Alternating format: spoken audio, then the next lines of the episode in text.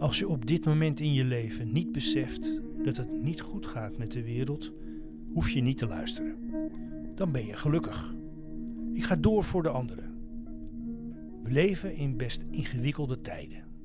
Nationaal en internationaal lijken de rampen en crisis ons te overspoelen. En dan moet de echte klimaathel nog uitbreken. Als Nederlander maak ik me ook zorgen. De meeste mensen hebben het nog wel goed.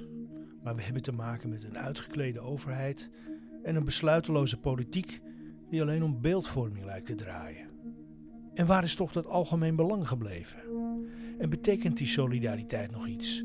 Of is er alleen maar markt, winst en aandelen? Ik ga sprekers en onderwerpen vinden over verduurzaming, energietransitie, voedselproductie, natuur en milieu.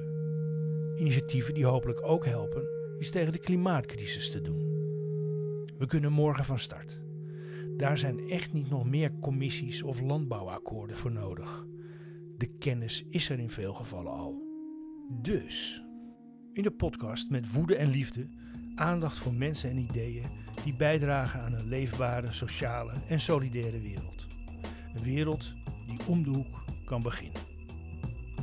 Dus.